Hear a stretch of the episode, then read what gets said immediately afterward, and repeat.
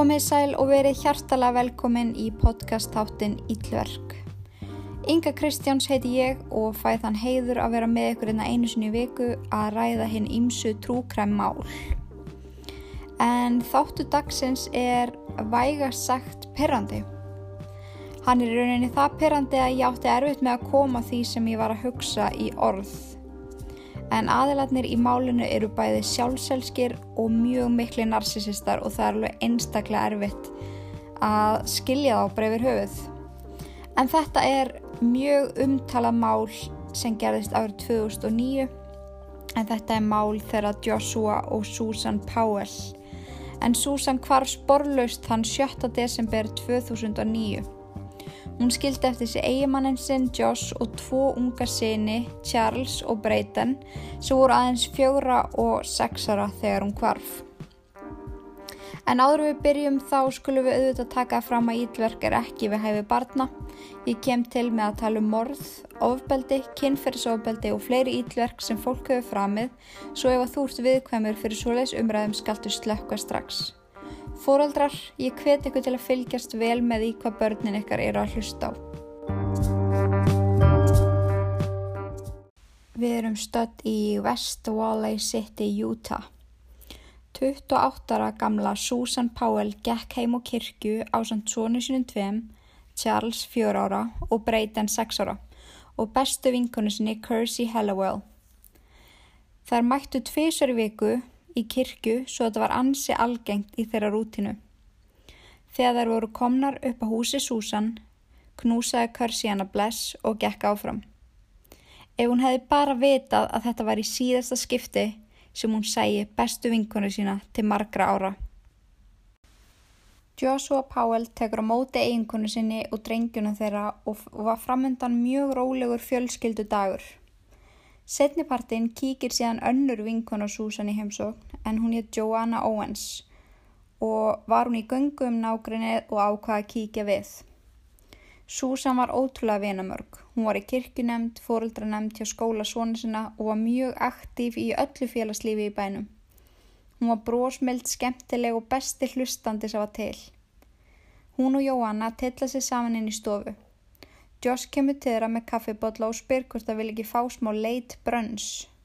Þar voru ótrúlega til í það og eftir nokkra mínútur kemur Josh með ilmandi egg og bacon handa vinkonunum.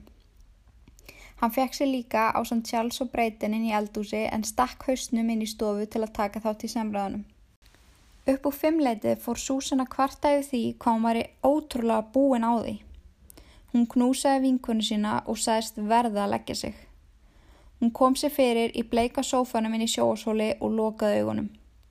Joanna fór í þeirri trú um að heyra aftur í vinkonu sinna á morgun. Josh vildi leifin að kvíla sig svo, svo hann fór út með drengina þeirra tvo að leika sér á snjóþótu. Klukkan nýju um morgunin, daginn eftir, eða þann 7. desember 2009, fekk móður Josh símringu um að ömmustrákanir hennar hefðu ekki mætti í daggjæslu en það hafði margsinnis verið reynd að ringja í fóruldrana og það voru engin svör.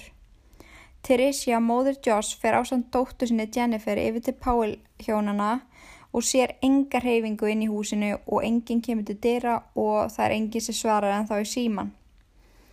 Teresia fekk svo aðra símringu frá mömmu Susan sem hafi fengið símtal um að hún Susan hafi ekki mætt í vinnuna og ákváðum þá að ringi laurugluna sem kom mjög fljótlega og brauti pörðuna til að ganga úr skugga um að allt sem er feldu inn í húsinu. En það var engin inni og eftir nokkra leit fannst veski hennar Susan sem hún var alltaf með á sér. En það sem vakti mikla aðtekli strax var að tvær viftur voru í gangi og var þeim beint á bleika sófan sem Susan hefði lagt sér í daginn áður. Sófin var enþá blöytur viðkomu og mikil hreingerðingalegt á honum og vifturnar áttu greinlega að þurka hans sem allra fyrst. Setnipartið hennar sama dag eða um fimmleitið þá svarar Joss Loxins í síman eftir miljón tilraunir frá sýstur hans. Hann sæðist á leðinni heim með strákana en Susan ætti að vera heima nú þegar. Þegar hann lendi heima hjá sér þá sagði hann sýstu sinni og mömmu að hann hefði skilið Susan eftir kvöldu áður rétt eftir miðnætti og farið með strákana í útilegu. í Simpson Springs sem er í klukkutíma fjarlæð frá heimilinu þeirra. En þar sem Susan var ekki heima eins og hann hjælt var Joss tekin upp á lauruglustuð og spurður út í gangmála þar sem að hún var búin að vera tínt þarna í 12 klukkutíma og ekkert búið að heyrast frá henni. Það var bara alltaf undarlegt að Susan var ekki búin að hafa samband og það var alveg óendarlega líkt, ólíkt henni sérst að við hafi ekki haft samband og ekki mætt í vinnuna og ekki tjekka á strákonu sínum þannig að þetta leit bara alls ekki vel út.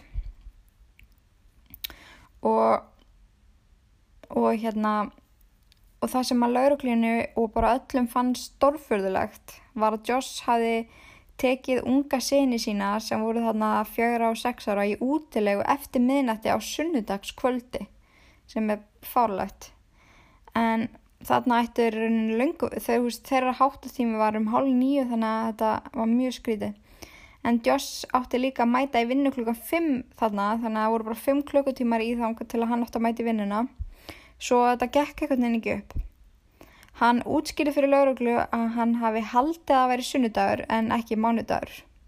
Mm.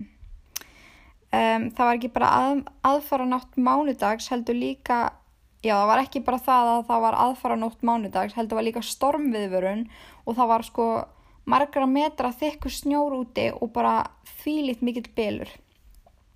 En hann held því samt fram að hann hefði bara farið útileg útilegu og grilla sigurbúða með strákunum sínum og þetta veri típist hann því að hann elska að taka svona spontant ákvarðanir. You do not know where she's at? Mm -hmm. Okay. What do you think has happened to her?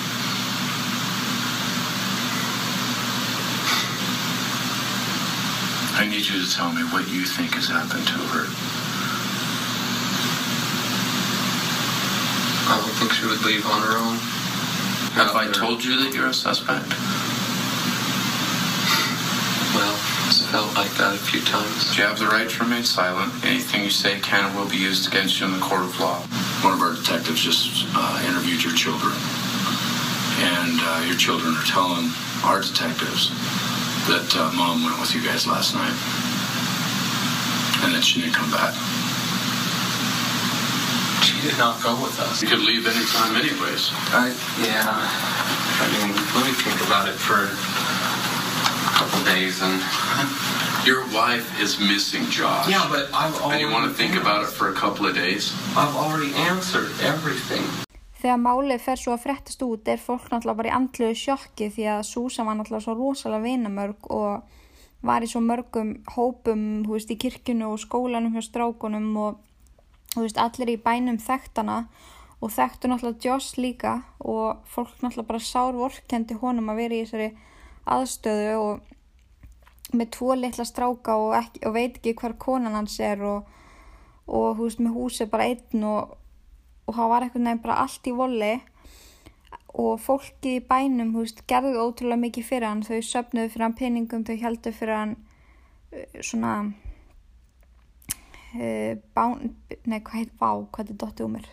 Það sem maður fyrir í kirkju að byggja bænastund og voru bara þýldar en að hjálpa honum þanga til að það fór að koma fleiri upplýsingar sagt, um málið þegar að almenningur fekk að vita sagt, uh, hverju hann hjælt fram og hverju hann hjælt fram hafi gæst þetta kvöld. Og þá fóru svona þá fóru aðilar að spá svona hmm, þetta er, þetta er eitthvað skrítið. Og á meðan margir stóðu við baki á hannum þá voru aðrir með miklar evasemdir og byrjuðu mjög harkalega að pressa á hann í fjölummiðlum og annað. Og ég fann nokkra klippur af því þegar það er verið að pressa hann. Þeir heyrið alveg hverjir eru hverjir standa með honum og hverjir ekki. Og maður getur rétt ímynda sér stöðuna sem hann er í akkurat þarna. Tell me a little bit how you're feeling. Um I just miss her, and I love her. My my boys love her. I mean, a lot of people love her, and she she's just just wonderful. And so, um, all I ask is that um, anyone who can just help us try to find her. I'm, I'm just trying to think of ways to do that. So, any any clues as to where she was at, or I don't. I, I don't even have a clue. What about, uh, you know, what you've been. I gotta. I gotta go get my boys because they're. How not boys? How now. boys? They're. Um, they're. They're doing okay. Yeah. So Were they. Just one. w- w- I'm sorry. I. I. I just. I got, Just- just I answer me. Keep doing this. When, when did you last see her then? Um. Sunday night.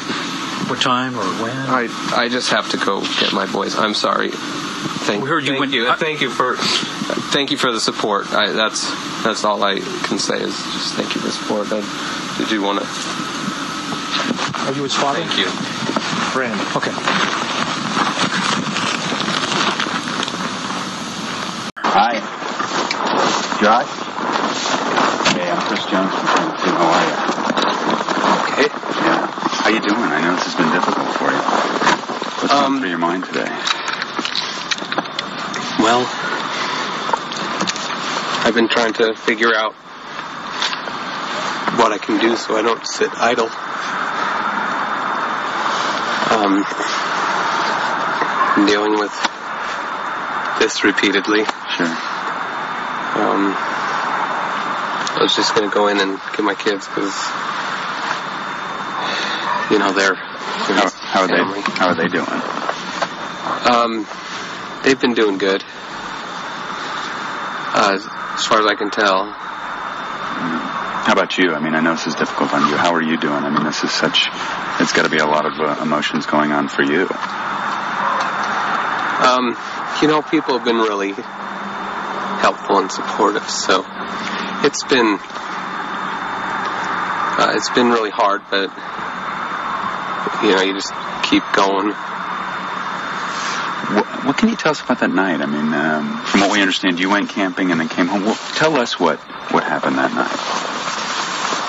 Yeah, I just I a lot of times I just go camping with my boys. You know, not not anything big. I just go overnight, and you know we do s'mores and stuff like that. And so I just went with the boys. I was planning to do some s'mores in the morning, and um,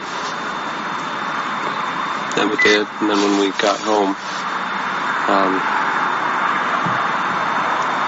well, on the way home, I found out that people were worried about us and that we were missing.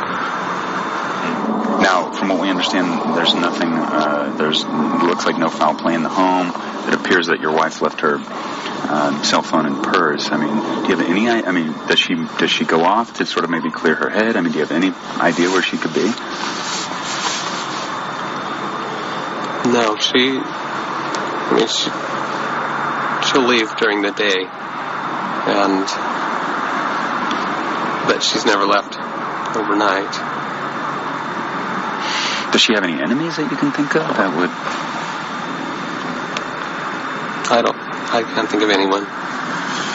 Now, a lot of talk on the internet. I mean, a lot of obviously in cases like this, and you know this, the, the, the, they instantly talk about the husband. They think that he's the suspect, that he did something.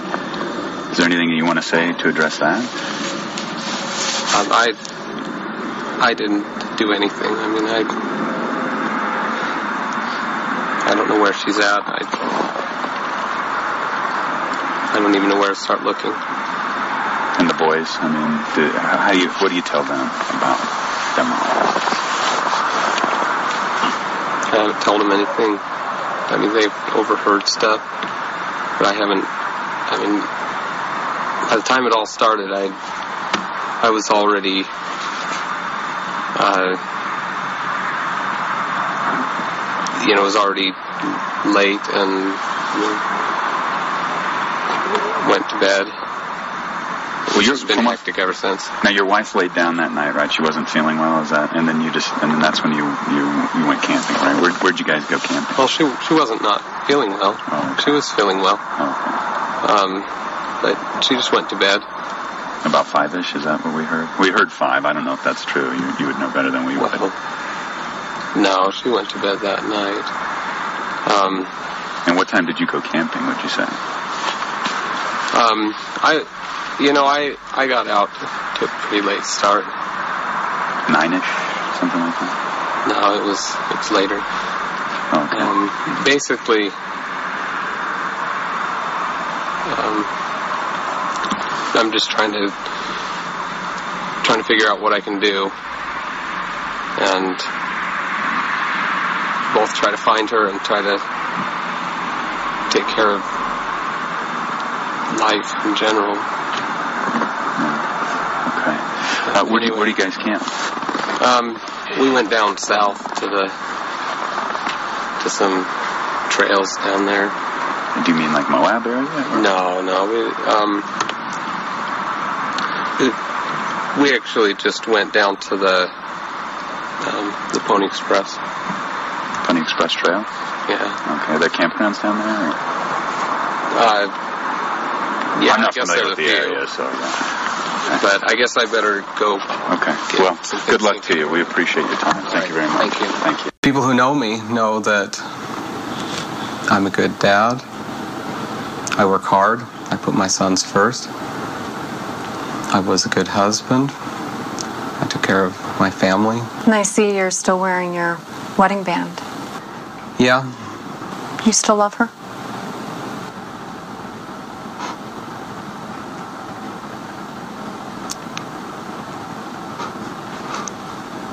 Yeah. I guess you could say that I still love her. aspect, you think about how bad it looks that you left the house at midnight with the two boys. We've we've gone out and done things like that before. Sometimes we go out looking for rocks. Were you And- looking for rocks that night? Was that a rock hunting trip? We just were playing. One We- report said it was a blizzard. Maybe Nobody goes camping on a blizzard. Yeah. Maybe in the days that followed. But she didn't take her purse or her cell phone or her kids. People say it just doesn't make sense. A lot of things don't make sense.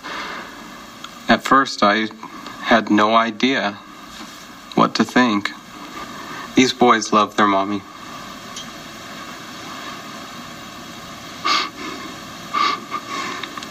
What do you tell them about her? frankly, including including this boy. I tell them that we don't know where she is. What else can I tell them? What, if anything else, did they say about the night Susan went missing, that camping trip, that so called camping trip? Was mommy on the camping trip? Did mommy go on the camping trip that Sunday night at midnight at 14 degrees outside? From the story that's out there, it was that she was in the trunk of their van and daddy took mommy out to go look for crystals and daddy came back but mommy did not. Nei, sko, maður getur ekki annað en verið bara ógeðslega perraður yfir þessum manni. Og þegar hann segir hann í viðtælinu bara eitthvað já, strákarnir en að sakna þar. Including this boy oh, maður krynsar ógeðslega mikið maður er svo sjúklega perraður að því maður einhvern veginn veit, maður veit strax í upphæðu hvað kom fyrir það er svo ógeðslega augljóst því að ekkert af þessu make a sense, ekki á neitt nátt En ég ætla aðeins að segja ykkur frá því hvernig þau kynntust og koma inn á nokkur mjög mikilvægt dítel sem að munu segja mjög mikið þegar að líður á söguna. Joshua og Susan Cox kynntust í trúar leiðbennenda partíi heima hjá Joshua en þau voru bæði mormúnar. Þau klikkuðu einhvern veginn strax þetta kvöld og kól fjallu fyrir hvort öðru. Ári síðar voru þau gift og fór aðtöfnin þeirra fram í Portland, Oregon Temple. Joshua var þarna mentaður viðskiptafræðingur og starfaði hann við fjöldafyrirtækja og var mjög eftirsóttur í vinnu. Susan rak sína einn snirtustofu og, neða ekki sína einn, hún rak bara snirtustofu fyrir við og var snirtifræðingur að ment. Þau byggu í hálft ár heima á pappa Joshua sem var fráskilinn og hann bauðum að vera þarna því að þau voru að sapna fyrir sínu eigin heimili og þau voru alveg innilega þakklátt fyrir það. En það sem fór fram innan vekka heimilisins komst ekki beint í ljós fyrir en eftir á. En það virðist vera að þetta hafi verið algjörst feimnismál sem kom upp á og ekki haft, veist, ekki haft orðum þetta fyrir en setna mér. En pappi Josh var alveg yfir sér hrifin af Susan og hann taldi sér trú um að hún væri ástfangin á sér og tók öllum hreyfingum og kommentum frá henni sem viðreynslu.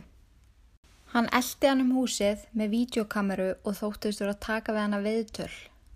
Hún vildi sína tengdaföðu sínum virðingu fyrir að leifa þeim að vera frítt þarna, svo hún reyndi að sína því skilninga en hefði kannski bara gaman að þessu. En þegar þetta fór að gerast oft á dag, alla daga, var hún virkilega pyrrað á þessu. Hann stál nærfutunum hennar úr þvottinum, tók sjálfa sig upp þefa af þeim, strúka yfir þau og nuttaði með andlita á sér. Hann hafði alltaf lítilum speil í vasanum til að geta fylst með henni þegar hann kannski snýri baki hana.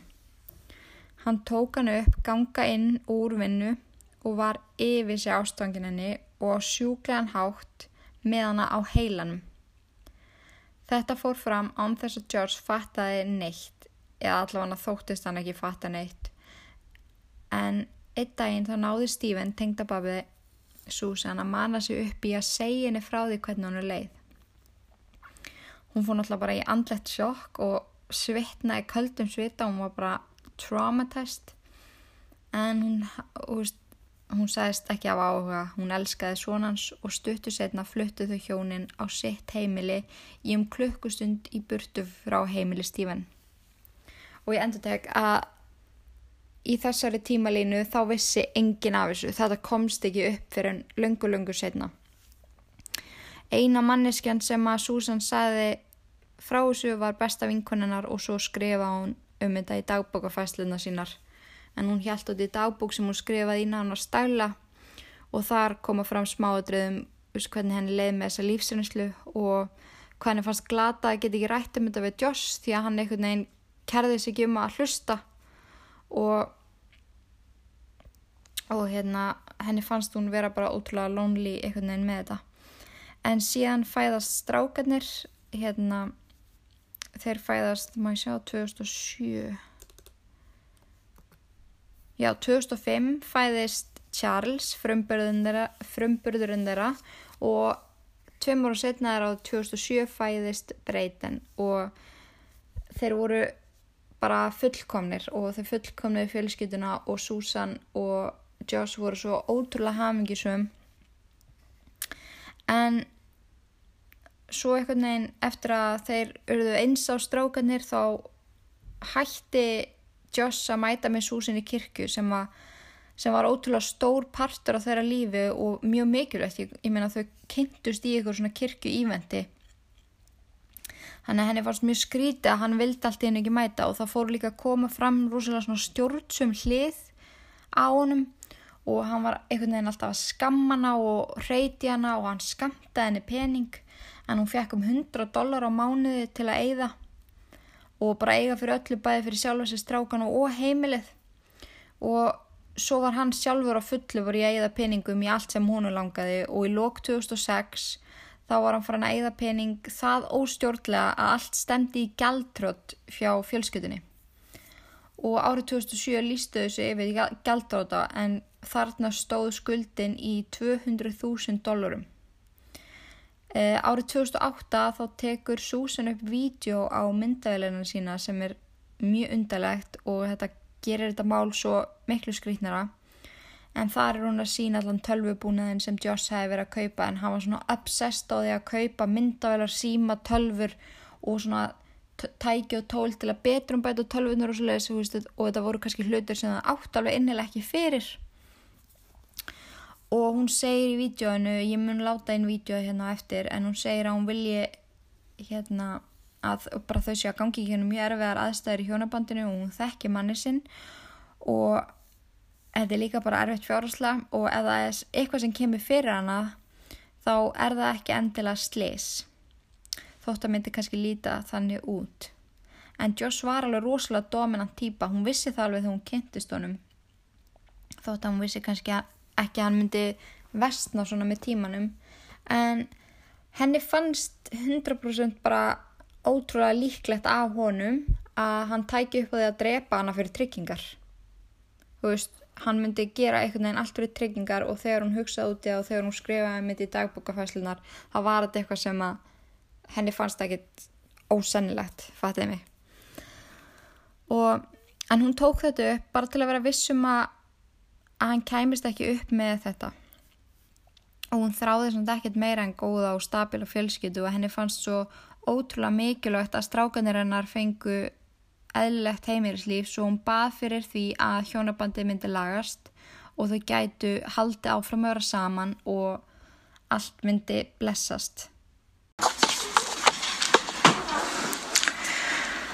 Uh, this is me. July 29th, 2008. It is 12:33 Mountain Time. Um, covering all my bases, making sure that if something happens to me or my family or all of us that our assets are documented. Hope everything works out and we're all happy and live happily ever after as much as that's possible. Charlie. Say hi. Today is Tuesday, July 9th, 29th, 2008, and we are in the 6254 West Circle house. This is me. Hi. Sorry. And it is Can you see that? 11:44 a.m. And I am documenting all our assets just in case of any emergencies, fire, flood, damage, disputes. And we have two Samsung monitors.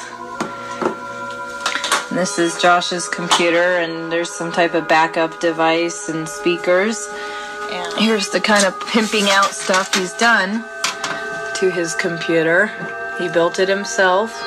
I think there's like five hard drives, something about doing raids. There's those for all the computer geeks. And Josh locked this, but this is all of his files. See, locked. Those are his files. And he bought expensive stuff like these are, I think this was like a couple of thousand dollars of like, it says graphic design templates by stock layouts or something like that. En maður getur ekki litið á þessum tilviljun að konan gefi út þetta vídeo eða þú veist, hún gefur ekki út, hún tekur það bara upp og hún á það bara í svona persónleiri vörslu. Og þegar það er verið að skoða heimilegir þá finnst þetta, finnst, finnast dagbókafæslur frá henni þar sem hún er að tala um það ef að sambandið er að fyrir ekki að batna þá mun hún vilja skilnað. Því að eins og ég sagði hann þá var hann búin að vera ótrúlega stjórnsamur og frá því að þau giftu sig þá vissi hún alveg að hann væri stjórnsamur einstaklingur. En þetta var verulega búið að færast hérna upp á skaftið með tíu og tíma og veist, hún var alveg að gefast upp á þessu og þú veist það vissi engin af þessu nema kannski vinkonur hennar. Þannig að það er alveg 100% þannig að, hann vissi alveg hvað var í húfi og og þú veist það er ekki hægt að líta á þessum tilvílun að hún hafi gert þetta því að hún, hún þekkta náttúrulega best af öllum og vissi hvernig skap hundur hann var. En þarna er hún tínd og það er sett þessar strákana þeirra í hérna þau fara bara til ömmu sinna afa sérst, mömmu og pappa Susan. Og, og þeir, þeir eru bara þar og þeir, þeir fara þar í svona heilbreytt umkörfi eftir að barnasálfræðingar eru búin að tala við þá og, og veist, það er ímislegt búið að koma í ljós þar sem að þeir veist, segja. Og og hann hérna Joss hann tekur þessu bara alveg innilega ekki vel veist, hún finnst hann bara einhvern veginn vera að tapa í lífinu og hún fannst engin tilgangur í þessu öllu saman ef hann fekk ekki að vera með strákana sína. Þannig að hann fór einhvern veginn svolítið bara í harst og hann tímaði svolítið upp með pappa sínum sem er ótrúlega skrítið þar sem að pappi hans var bara pervert í hennar garð. Og, og það er alveg ótrúlegt að því að samkvæmt öllu þá vissi Joss alveg af þessu öllu sem gekk á milli Steven sem er pappans og Susan konun hans en hann einhvern veginn gerði ekki neitt í því. Þannig að hann tímaði þarna upp með pappa sínum og hann flutti til pappa síns hérna, sem bjóði um klukkutíma hann í burtu frá heimilinu þeirra. Og þeir fóru bara all in í að segja sína sögu í fjölmiðlum og byrtast hér og þar og segja sína sögu og, og hérna og ég ætla að spila einna klippu sem er, sem er ógeðslega perrandi þessi maður fer svo innilega í mig en þarna er, hann- er hann einmitt í spjallu við fjölmiðl og hlustið vel hvað hann segir í endan stayed focused as much as I can to take care of my sons. It's been hard. People, uh, people have behaved in some very uh, unacceptable ways. A lot of relationships have been destroyed, and you know, on the other hand, I have a lot of support from a lot of people. I've never had so many churches supporting me in my life, you know. That's a that's a nice thing, you know. Um, neighbors, people at my son's school, people, places that we frequent on any level are extremely supportive, and you know, I mean, it is really nice. It it really doesn't make up for what people, what a very small minority of people have taken it upon themselves to do. Já, þegar þið heyrið endan hann segir small amount of people þá er hann í rauninni bara að tala um fjölskyldunum Susan sem er hún finnst þau vera svo mikið á móti þessari að því að þau eru actually ennþá að reyna að leita af henni en hann er bara búin að mála upp ykkur að mynda sér sem að ykkur auðmingja, auðmingja grei þú veist og eins og í yfirherslinni sem þið heyrið áðan þá er þú veist það er mjög mikið húfi, konan hans er tínd og hann er bara eitthvað, æ, gef mér tvo, tvo daga til að melta þetta og, og lauruglumæðurinn er bara, Josh, í alveg, konan er tínd, þú veist, þú getur ekki tekið bara eitthvað tvo daga í að melta þetta, þú veist, ertu fáiði. Þannig að, þú veist, þarna fer rauninu Powell fjölskyldan og fjölskyldan hans, uh, nei fjölskyldan hann Susan, Susan í hart, þú veist, pappi Susan er náttúrulega bara fulla að leita dóttur sinni og hann er bara að líma upp auðlýsingar út um allt af henni og, og hérna pappi hérna Joss er bara á mótónum þannig að fjölskyldunar eru ekki að vinna saman á neittnátt og Joss gerir ekkit annað heldur en að mála sig upp sem eitthvað eitthvað grei, fattiði mig The search for Susan Powell slipped into a family feud today. Her father and father-in-law go toe-to-toe as cameras were rolling. Why come? Why come here today? Why not?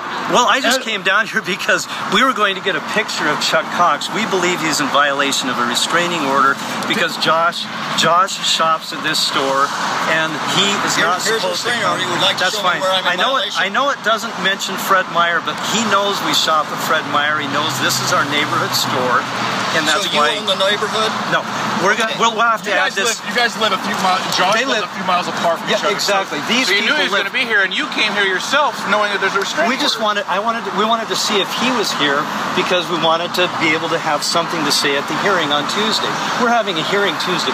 We That's were right. going to bring this up with the media. He brought it up with the media. But you okay? came here. I did come here. Yes, I did, because I wanted to see what was going on, and I wanted. And, and I have one question for you. How is you coming here helping to find Susan? It isn't helping to find Susan. How is your standing at our neighborhood market helping to find Susan, Chuck? People see the signs, her Bullshit. pictures out in the in the media. It's been all over the media. yeah, yeah, If somebody yeah, has no. seen her, They- then they're- can yeah, report to the and police. And you're only going to do this. Which other stores are you doing this at, Chuck? We're doing it in West Valley City.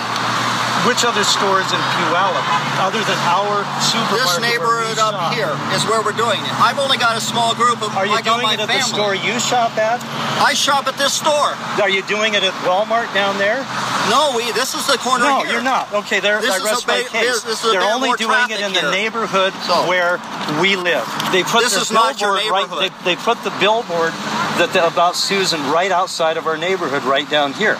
they did their little flyer campaign in our neighborhood. They taped flyers right to the post in front of my house. Why would you have a hard time though with getting her picture out? I mean, I don't have a hard time. We've actually talked about putting a picture of, you know, a page on our website called The 50 Faces of Susan Powell.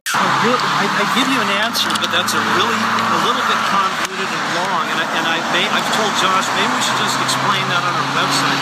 There was a reason Josh quit talking to, to the, F, I mean, to the uh, West Valley, to the West Valley City Police, and the reason had to do with basically um, Josh had a, an extensive interview with them the day or so after Susan disappeared, uh, Erica, and uh, the way they handled the interview, and they know they handled it wrong. They know they screwed up.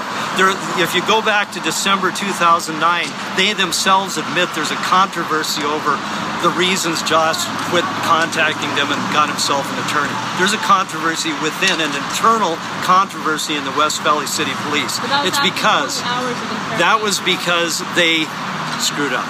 And, and you know, I, as I told Josh, we should probably explain that on our website. We're not. Ta- we, I, I doubt that Josh will ever talk to the West Valley City Police again, but he'll talk to the FBI. They just have to call. They know our number. They know my email. I contacted them three or four months ago about some possible lead that I had, but they don't. You know, they, they'll contact me if they want to. They don't tell us anything about the investigation. The only thing they've told us is they believe she's alive. They've told us that. And Josh had nothing to do with her disappearance. That's what they've told us. They told us a couple of other things, but nothing about specifics about the investigation. That was four months after we, or three months after we told them about the Steven Koecher possibility. We think that, that their investigation into that probably had something to do with their conclusion that she's alive. They must have found something.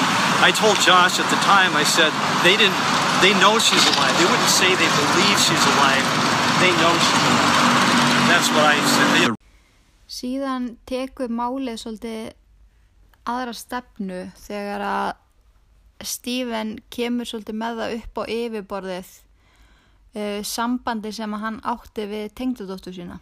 En hann kemur því algjörlega fyrir að hún hafi verið útrúlega sexuál við hann og það er ekki að kalla þetta neitt annað heldur en bara victim blaming. Það er bara þannig að þetta, er, þú veist, maður verður svo perraður og veist að maður trúir ekki einugum hann er að tala svona um tengdadóttur sína sem er, þetta er rosalega mikið high profile case á þessum tíma.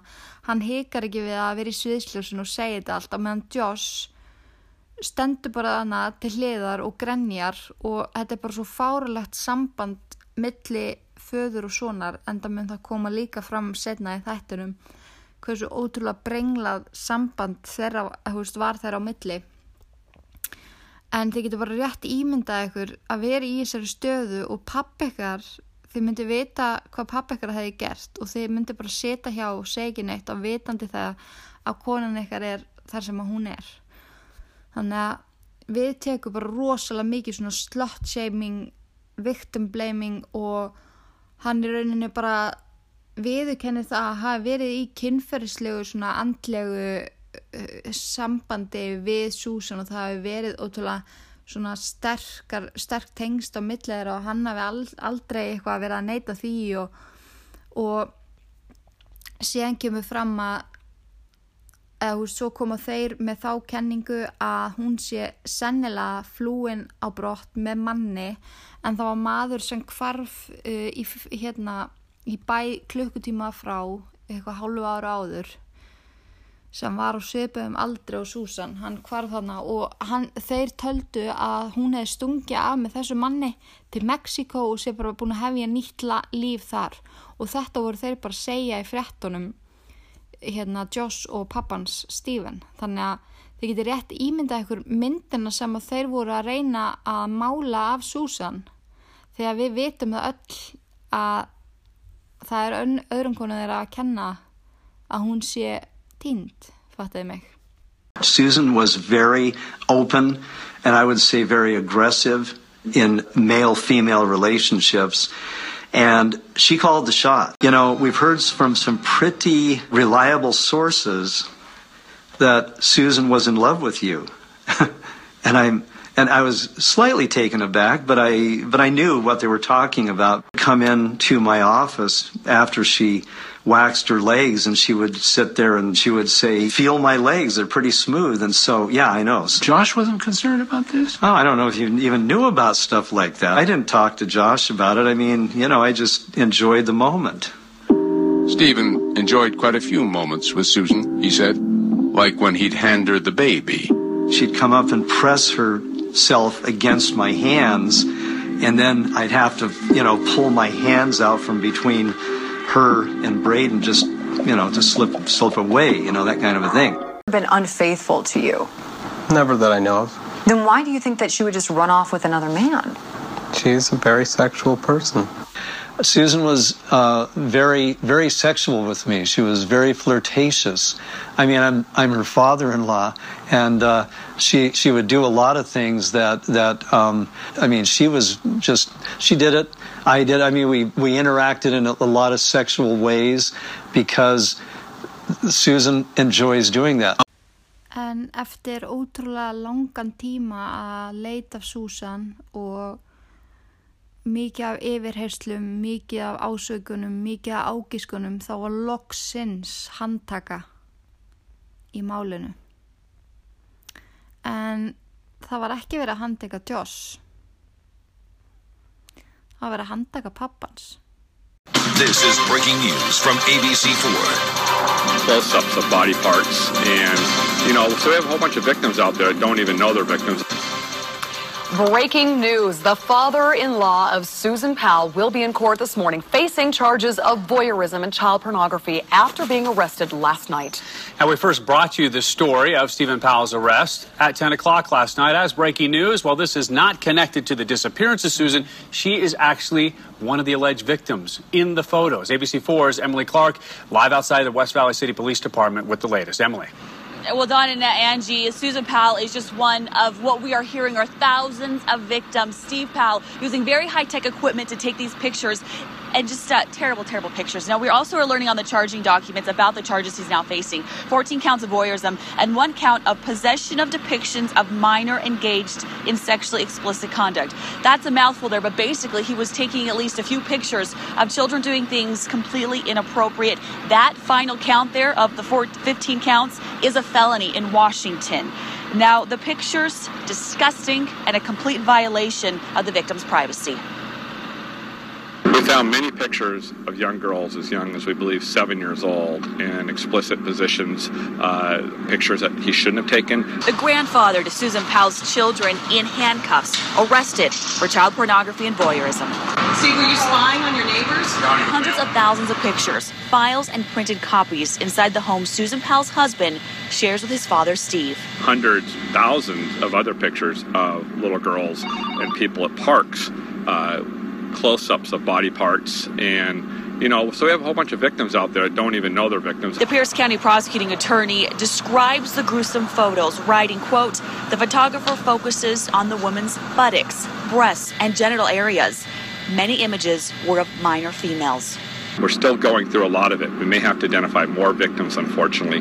But when we saw what we did, uh, we worked the case forward to get him into custody. That way, there aren't any more victims. Defendant wrote that he's a voyeur and Susan is an exhibitionist, and they're a perfect match.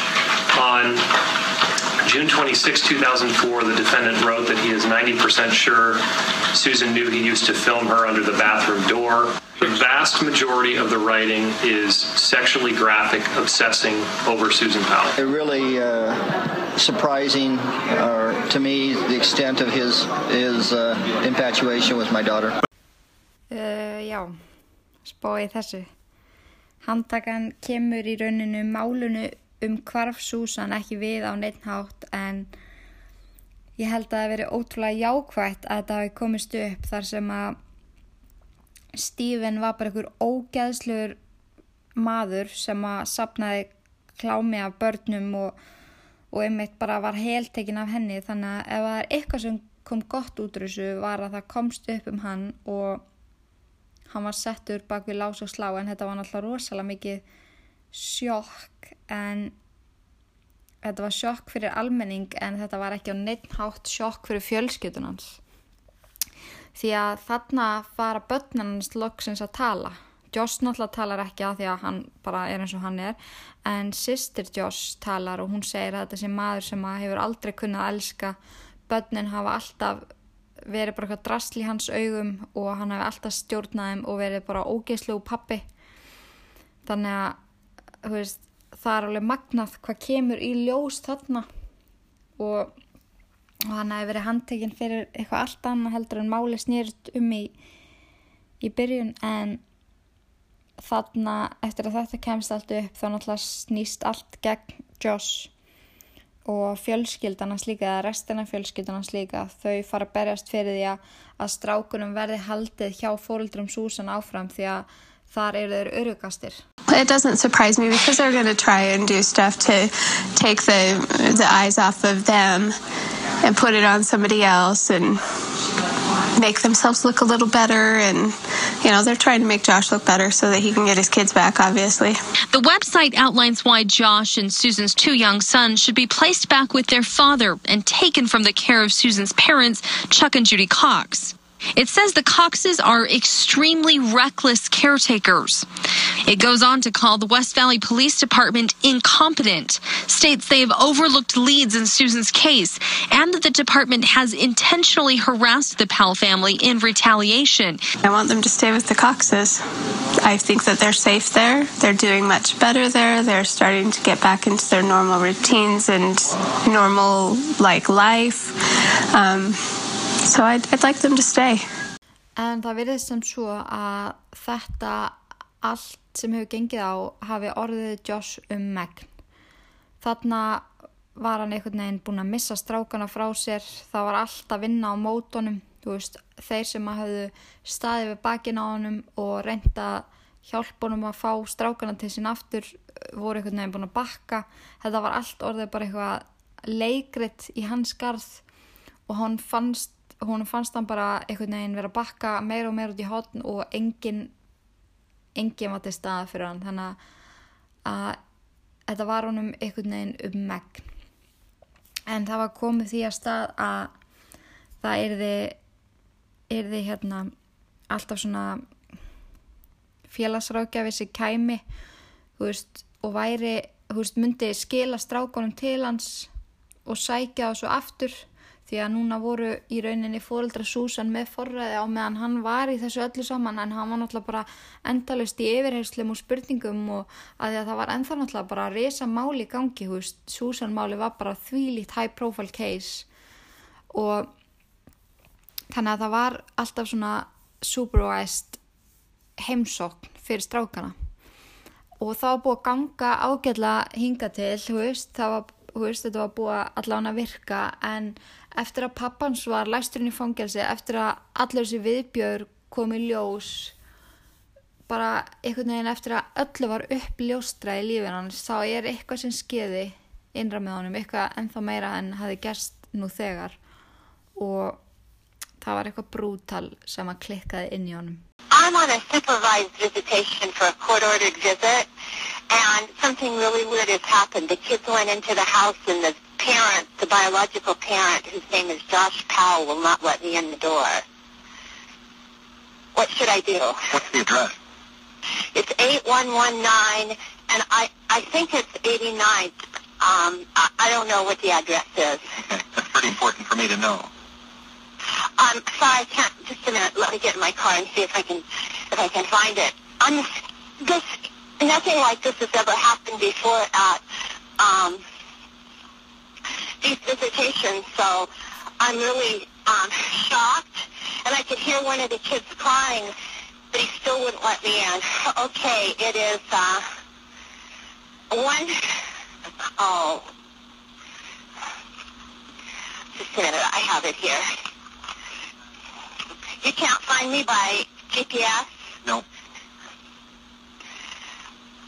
Okay, it is, um, oh, I still can't find it. But I think I need help right away. He, he's on a very short lease with DSHS, and CPS has been involved. And this is the craziest thing. He looked right at me and closed the door.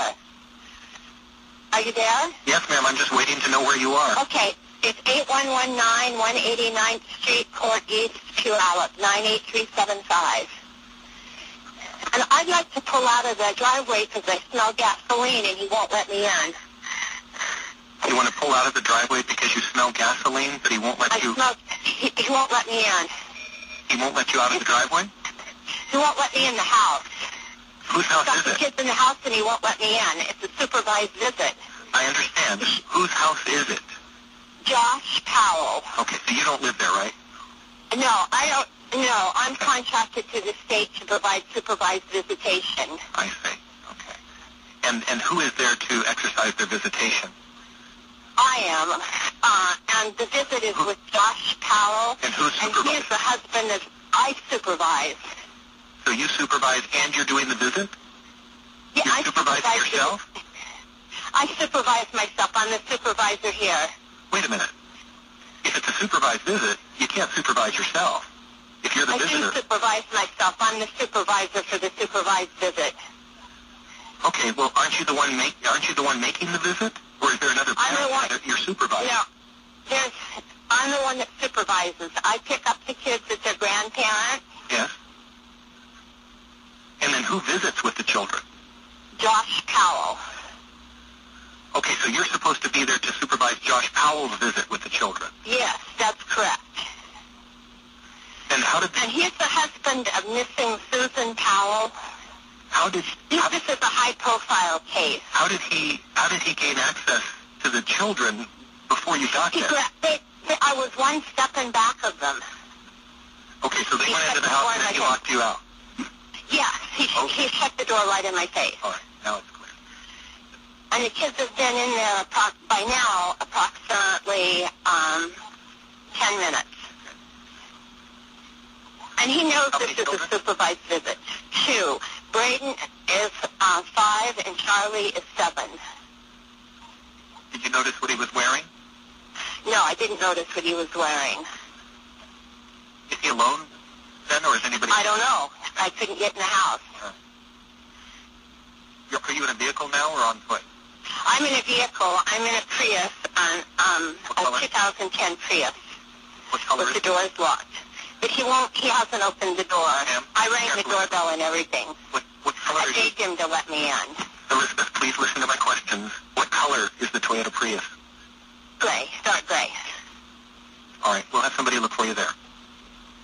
Okay, how long will it be? I don't know, ma'am. They have to respond to emergency, life-threatening situations first. The first available deputy Well, this, is, responding. this could be life-threatening. He went to court on Wednesday and he he didn't get his kids back. And this is really, I'm, I'm afraid for their lives. Okay, has he threatened the lives of the children previously? I have no idea. All right, we'll have the first available uh, deputy contact you. Thank you. Bye.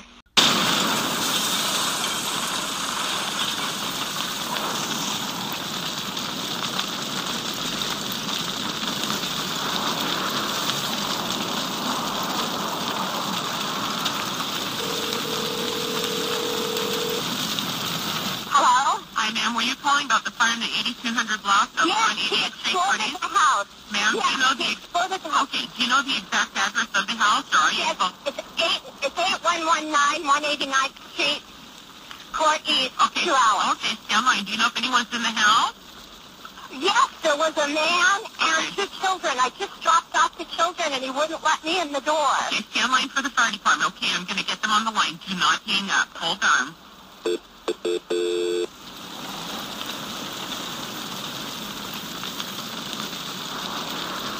On the phone here with me now.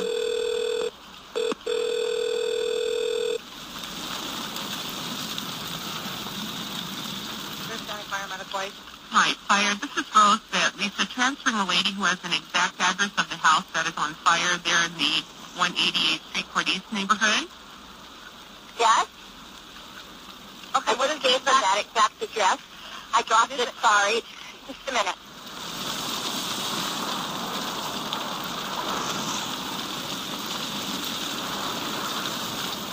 I can hear the fire trucks, but they're not here yet. It's 8119. There. What? We have an engine there. And people are saying there's not somebody here, but I was just there, and there is somebody here. There's two little boys in the house, and there was, They're five and seven, and there's an adult man. He has supervised visitation, and he blew up the house and the kids. The kids and the husband and the father were in the house. Yes, yes, he slammed the door in my face. So I kept knocking. I thought it was a mistake. I kept knocking, and then I called 911. You saw him go back into the house when the flame, right before the flame? He didn't ever leave the house. He just opened the door. The kids were kids were one step ahead of me. They're five and seven. They were one step ahead of me, and he slammed the door in my face. And you think he might have done this intentionally? Yes. Downey, go ahead with what you need. I'll pass that on to my Thank you very much, fireman. What is your name, please? I'm Elizabeth Griffin Hall, and I'm the supervised visitor. Okay, hold on. Elizabeth, hold on just a moment, ma'am. Okay, so your last name is Griffin what? Griffin Hall, G-R-I-F-F-I-N hyphen Hall, H-A-L-L. Okay. And your phone number three six zero nine nine zero nine nine five five is your personal cell number. Is that correct? Yeah, that's. Can Where are you? Where are you at? Where are you at right now? I'm, I'm at 81112 on the same court. Okay, so you're waiting down the street at 8112 109th Street, Court, 189th Street, Court East. Yes. Okay. And are you in your car?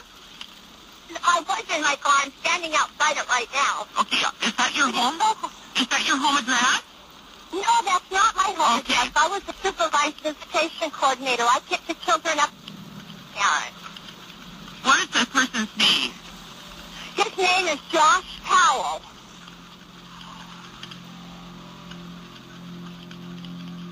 Just a minute, the sheriff's here. Let me tell him ahead and talk in the house. Go ahead and talk to the officer, ma'am. Ég held að ég hef aldrei verið jafn pyrruð á því að hlusta á 191 símtal og akkurat þetta. Þetta er bara, það er svo, þetta hefði getað bjarga málunum ef þetta hefði ekki tekið svona ótrúlega langa tíma, ef þessu hefði verið tekið meira alvarlega og það var á tímubili sem við langaði í alveg að garga á síman en mómenti þess að maður var alltaf verið að spyrja býr þú þarna, býr þú þarna, hún var alltaf bara nei, ég bý ekki þarna. Oh my god, sko. En því miður þá er ekkert að bjarga strákunum. Pappi er að teku líf þeirra á sjálfselskan hátt og er þannig búin að þurka út heila fjölskyldu bara eins og ekkert sé. En það var einhvern veginn ekki fyrir en þarna sem þessu var loksins tekið alvarlega fannst mér allan þegar ég var að researcha þetta mál. Það var fyrst þarna sem allir einhvern veginn komið saman og fóru yfir hvað hafi komið, húst, hvað hafi gest. Og það kom ótrúlega mikið af hlutum upp í endan sem að var einhvern veginn aldrei rætt um fyrir nefnir þetta kom allt upp á. En ég ætla að setja inn hérna í endan fyrir ykkur hérna blagamannafund þar sem að Sister Susan, besta vinkona Susan og fleiri koma og tala á samt þeim sem að hefur verið að rannsaka málið og pappenur og svo leiðis. Og það koma bara fram ótrúlega mörg smáadrið þar sem að maður hafði ekki hugmynd um einmitt fyrir í lok þáttarins. En mér finnst einhvern veginn þetta að vera rosalega mikið svona... Ég, ég vil ekki tala með raskatinu en mér finnst þetta pínu svona system failure. Þú veist, strákarnir voru ekki örugir í höndunum á fagaðalum en það er kannski að því að þeir áttu pappa sem að svifst einskis alveg eins og kemur fram núna í þessu blagamann viðtali en þessu hefði þetta hefði getið að fara öðruvísi. Þetta er, þetta er svo ótrúlega skrítið þetta gerist 2009 veist, þetta, þetta hljómar eins og þetta hefði gest 1930 eitthvað. En þú veist þetta var veginn kona í fangelsi börn í lífsættu, geðveikur pappi og þetta er bara hræðilegt. Maður getur náttúrulega ekki á neitt nátt sett sig í þessi spór eða, eða skilja þessar aðstæður. En mér finnst rosalega margt að fara í úrskeiðis og allt þetta með pappans Joss og veist, það kom ekki fyrir miklu setna í ljós að hann til dæmis skildi út af því að konarnas kom stað alls konar svona sem að hann var að gera í tölfunni, svona barnaklám og svo leiðis og hún fekk bara nóg af þessari klám síki í honum en samt einhvern veginn var það aldrei tekið til greina fyrir en núna fattiði mig, þannig að þarna er heil fjölskylda dáin fjórir aðilar og ein manneski fann í fangelsi sem er auðvitað jákvægt en það er ekki hægt að, að segja annað en heldur en að Josh Powell hefði verið heigull. Hann, hann fór auðvelda, leið, auðvelda leiðina úr þessu. Veist, hann tók ekki afleiðingum og tók strákana annað með sér. En ég ætla að leiða ykkur að heyra þetta, hennan blagamannafund því að þetta eru bara mestu og bestu dítelin og loksins fær maður svona að heyra í raun og veru alla að taka þessu actually alvarlega og líka bara yfirvöld að taka þessu alvarlega og mér finnst og líka bara svo ég komið fram hversu horrible ætla að sé að vera þessi hérna aðili sem að átt að fylgja þeim heim og hans hérna skellir hurðina hann í andlita á henni og hún reynir að ringja hann ennum hann og þessu er ekki tekið alvarlega þú veist, sagt við hana já við þurfum að svara fyrst þeim sem eru í lífsættu veist, hvernig allir henni hafi liðið eftir þetta? Guðminn almáttur en það er, já, það er margt sem að hefði mátt betur fara. Þetta er bara skelvilegt mál. En við skulum hlusta á blagamannafundin og heyra og þannig að þetta fer allt í betra samhengi fyrir ykkur líka ABC4, and they said, sorry if you didn't know this, break the news, but there's been an explosion at Josh Powell's house. And I said, what do you mean? What kind of an explosion? Like yelling? And they said, no, an actual explosion with a fire.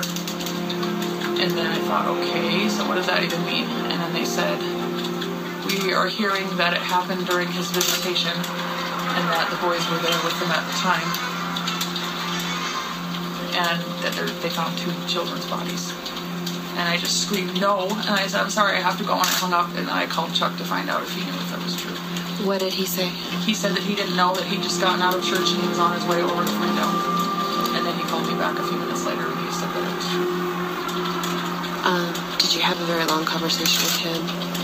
Um, probably three or four minutes because he was besieged with calls and just like I've been. He just said that he just talked to the Pierce County Sheriff and that they confirmed that there were two children's bodies and an adult. And he said that he was still in shock and crisis mode and he hadn't had a chance to really sit down and grieve, but that his only consolation is that there was Susan. Um, of course, now that Josh is gone, it, it leaves a lot of unanswered questions about Susan's case. What are your thoughts about that? So furious with Josh for so many reasons, but especially if he's going to take such a, a cowardly and selfish way out of this, I wish he would have just left a note behind to explain what happened. Because now we still don't know, and now he's gone, and we don't have any way of getting answers from him. And not only that, but he murdered two innocent little boys.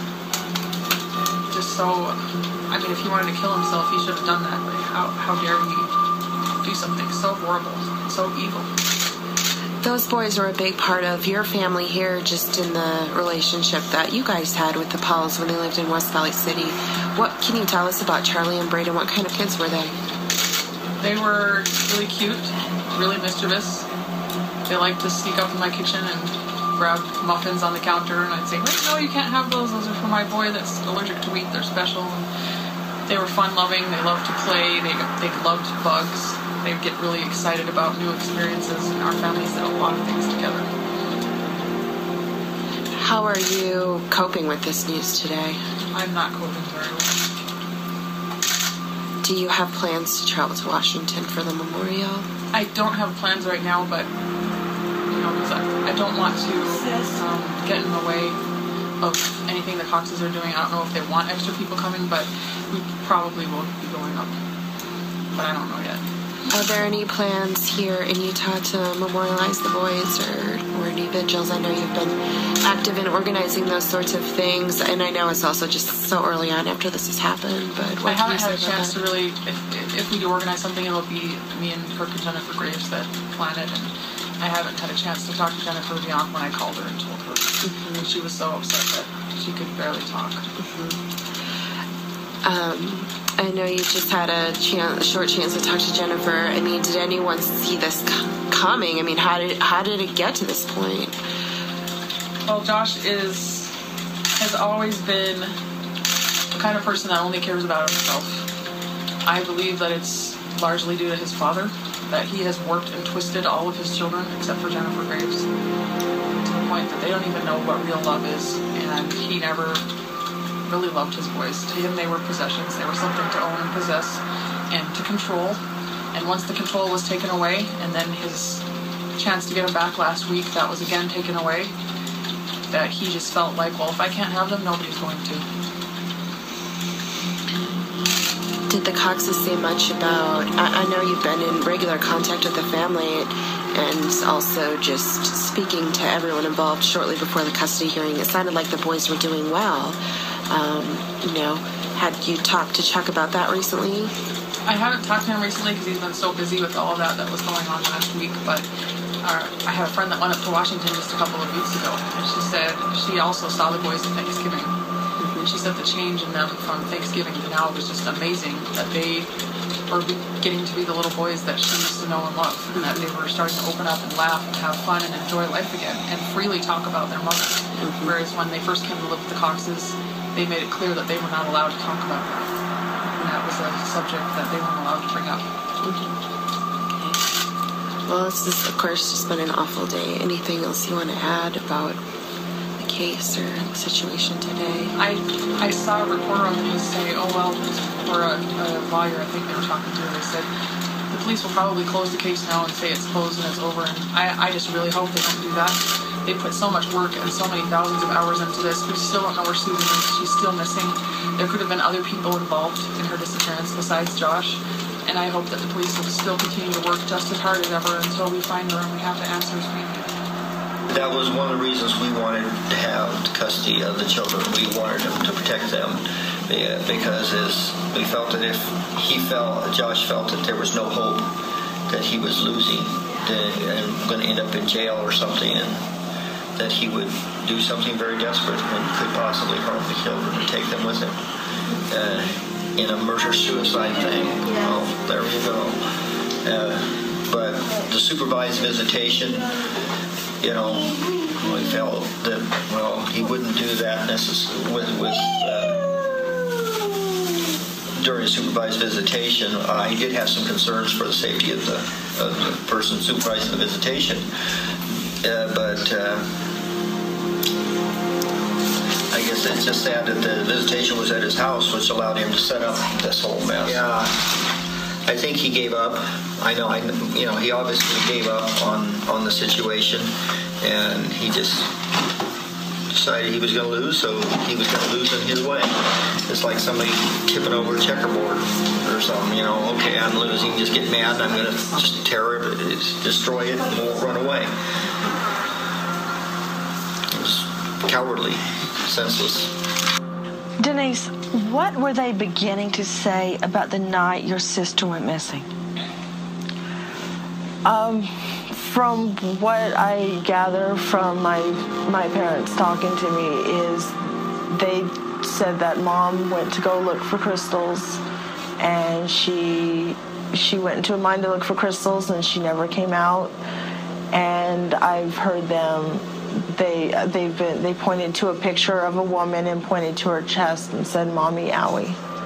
In the, the summer after my daughter went missing, so uh, they were at a, a, day school camp uh, uh, during the summer, and uh, they were asked to draw pictures and things of what they did with their family, and and Braden drew a picture of a minivan with three people inside. And they said, well, what's this? Well, this is us. We're going camping. Well, who are the people? Well, that's me, my daddy, and and, and Charlie, the brother.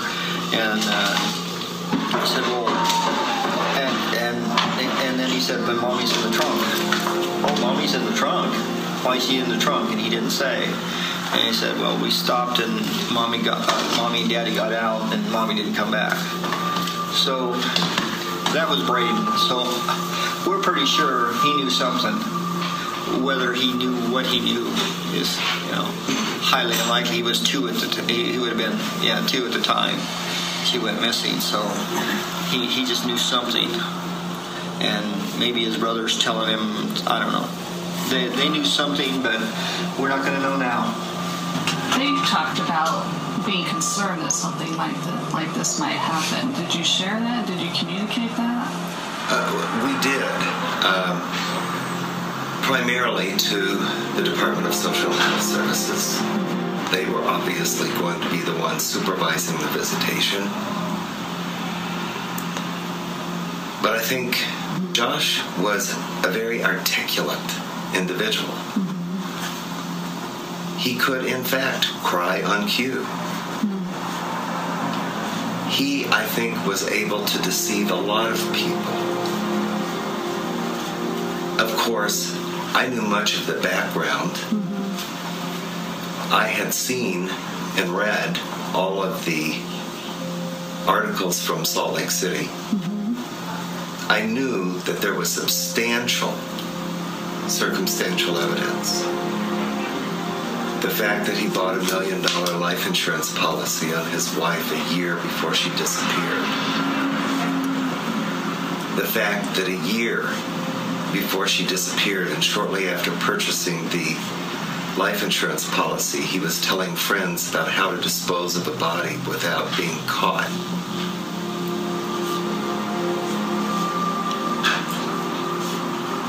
The fact that Susan was in marital counseling for abuse during the marriage.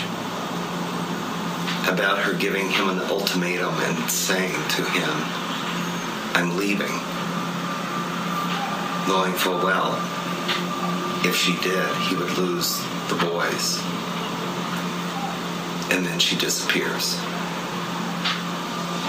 And of course, there's additional information, like the woman she brought home from church the day she disappeared. Uh, and, and JoVonna Owings was her name. And she gave an interview to the newspaper in which she describes that day. The fact they came home from church.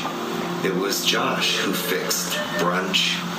He served it up in individual servings. Shortly after eating, she became very tired.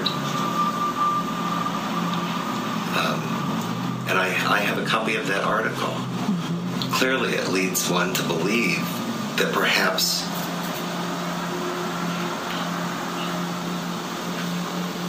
she was drugged.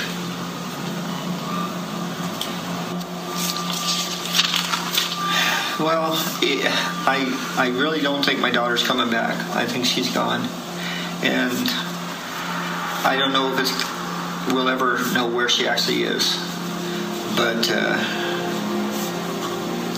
I think we'll continue. Well, I know we'll continue looking for her. Look until we uh, find a body or something, and uh, at I don't know.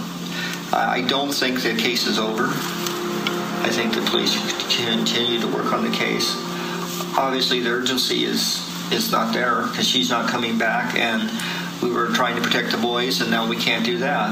So it's really kind of pointless. En þetta var mál Powell fjölskyldunar, hræðilegt mál, mér finnst alltaf svo erfitt þegar það er verið að blanda litlum börnum í svona og líka bara, já, þetta eru alltaf svo ekstra erfið mál en áhugavert var það samt að researcha þetta og líka bara áhugavert hvað komst mikið upp úr krafsinu eins og það að vera að taka þarna barnanýingur umferð og, og sækupataður umferð að maður á að vera, líta björtuleganar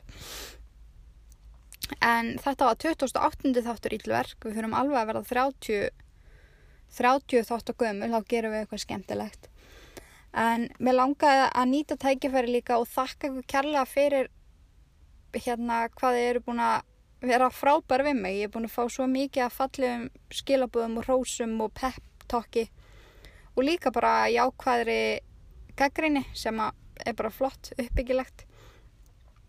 Uh, ég er líka búin að fá leðindi en ég menna það fylgir alltaf.